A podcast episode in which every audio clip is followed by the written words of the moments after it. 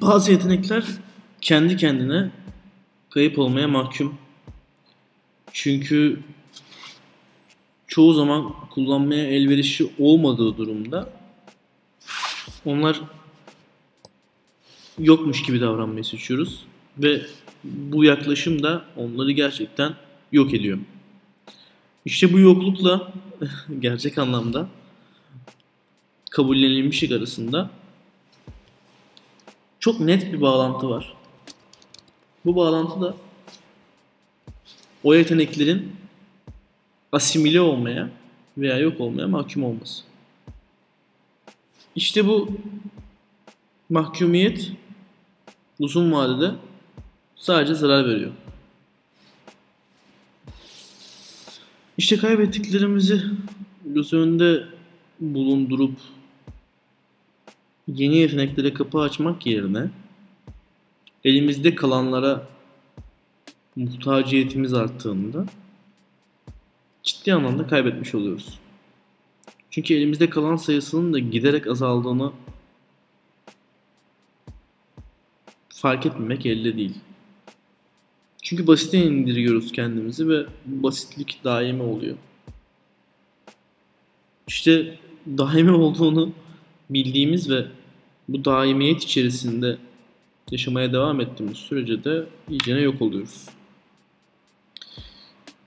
İşte yani şeyi düşünüyorsun burada. Nasıl bunun önüne geçilebilir veya nasıl e, ciddi anlamda ortadan tamamıyla kalkabilir? Yani yeteneklerin kaybolması veya kaybolmuş yeteneklerin kabullenilmesi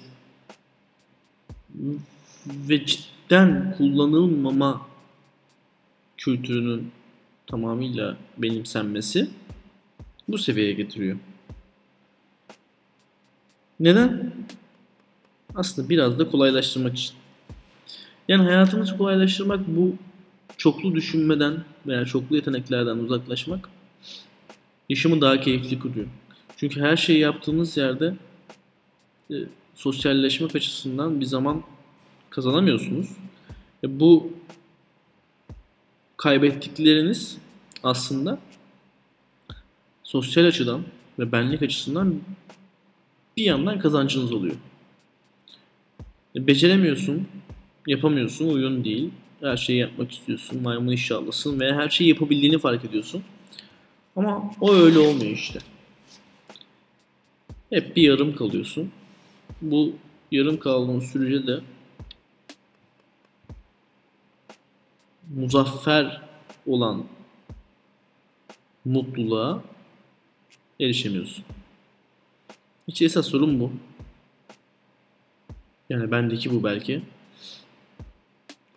İnancımız ne kadar tam olursa olsun başarıya veya yeteneklere bir yerde son buluyor. Son bulduğu yerde sabır ve elde olanlara sadakat göstermek gerekiyor.